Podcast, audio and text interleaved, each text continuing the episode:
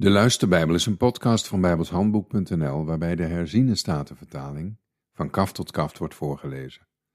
Dit is 1 Koningen 20. Ben-Hadad, de koning van Syrië, bracht heel zijn leger bijeen en er waren 32 koningen met hem en paarden en strijdwagens. Hij trok op, belegerde Samaria en voerde er oorlog tegen. Hij stuurde boden naar de stad naar Agab, de koning van Israël. Hij zei tegen hem, dit zegt Benadad, uw zilver en uw goud, dat is van mij. En uw vrouwen en uw beste kinderen, die zijn van mij.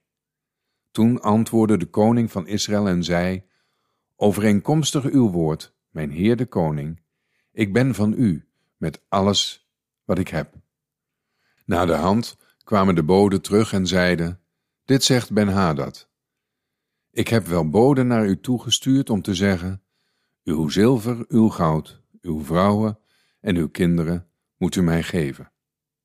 Morgen om deze tijd zal ik echter mijn dienaren naar u toesturen.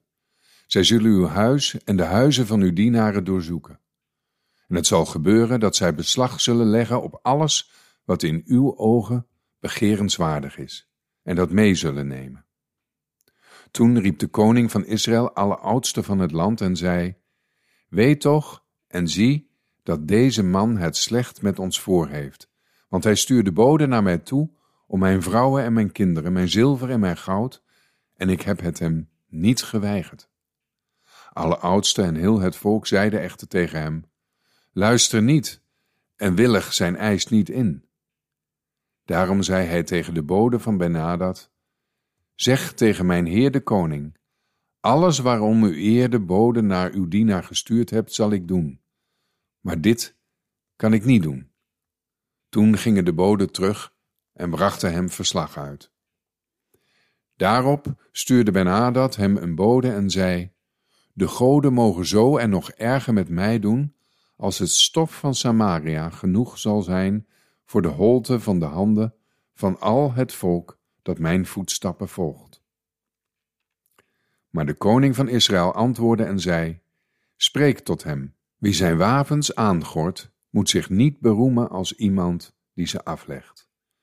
Zodra Ben-Hadad deze woorden hoorde, terwijl hij en de koningen in de tenten aan het drinken waren, zei hij tegen zijn dienaren: Stel u op. En zij stelden zich op tegen de stad. En zie, een profeet trad toe op Agab, de koning van Israël, en zei: Zo zegt de Heere: Hebt u heel deze grote troepenmacht gezien? Zie, ik ga ze vandaag nog in uw hand geven, zodat u weet dat ik de Heere ben. Agab zei: Door wie? En hij zei: Zo zegt de Heere: Door de jonge mannen van de hoofden van de gewesten. Hij vroeg: Wie zal de strijd aanbinden? Toen zei hij, U. Toen monsterde hij de jonge mannen van de hoofden van de gewesten. Het waren er 232. Na hen monsterde hij al het volk, alle Israëlieten, 7000. Zij trokken uit in de middag, terwijl Ben-Hadad in de tenten bezig was zich dronken te drinken, hij en de koningen. De 32 koningen die hem hielpen. De jonge mannen van de hoofden van de gewesten trokken het eerst uit. Ben-Hadad stuurde verkenners uit en zij vertelden hem, er zijn mannen uit Samaria getrokken. En hij zei, als ze met vreedzame bedoelingen zijn uitgetrokken, grijp ze levend. Als ze ten strijde getrokken zijn, grijp ze ook levend. Zo trokken de mannen van de hoofden van de gewesten en het leger dat achter hen aankwam de stad uit. Ieder versloeg zijn man zodat de Syriërs moesten vluchten, en Israël joeg hen na. Maar Benadad, de koning van Syrië, ontkwam te paard, met enkele ruiters. De koning van Israël trok uit en versloeg de paarden en de strijdwagens, zodat hij Syrië een grote slag toebracht. Toen trad dezelfde profeet op de koning van Israël toe en zei tegen hem: Ga, vat moed, weet en zie wat u moet doen. Want bij het aanbreken van het nieuwe jaar zal de koning van Syrië opnieuw tegen u optrekken. De dienaren van de koning van Syrië hadden namelijk tegen hem gezegd: Hun goden zijn berggoden. Daarom zijn zij sterker geweest dan wij. Strijden wij echter in de vlakte tegen hen, dan zullen wij stellig sterker zijn dan zij. Doe daarom dit: verwijder de koningen, ieder van zijn post, en stel landvoogden aan in hun plaats. En u, breng net zo'n groot leger op de been als wat u ontvallen is, en evenveel paarden als de vorige paarden, en evenveel strijdwagens als de vorige strijdwagens. Laten wij vervolgens in de vlakte tegen hen strijden. Dan zullen wij stellig sterker zijn dan zij. Hij luisterde naar hun stem en deed zo. Het gebeurde bij het aanbreken van het nieuwe jaar dat Ben-Hadad de Syriërs monsterde. Hij trok op naar Afek ten strijde tegen Israël. De Israëlieten werden ook gemonsterd en voorzien van leeftocht, en zij gingen hun tegemoet. De Israëlieten sloegen hun kamp op tegenover hen. Als twee kleine kudde geiten, de Syriërs vulden echter het land. De man Gods kwam naar voren en zei tegen de koning van Israël: Zo zegt de Heere, omdat de Syriërs hebben gezegd: De Heere is een God van de bergen en hij is niet een God van de dalen. Daarom zal ik heel deze grote troepenmacht in uw hand geven, opdat u weet dat ik de Heere ben.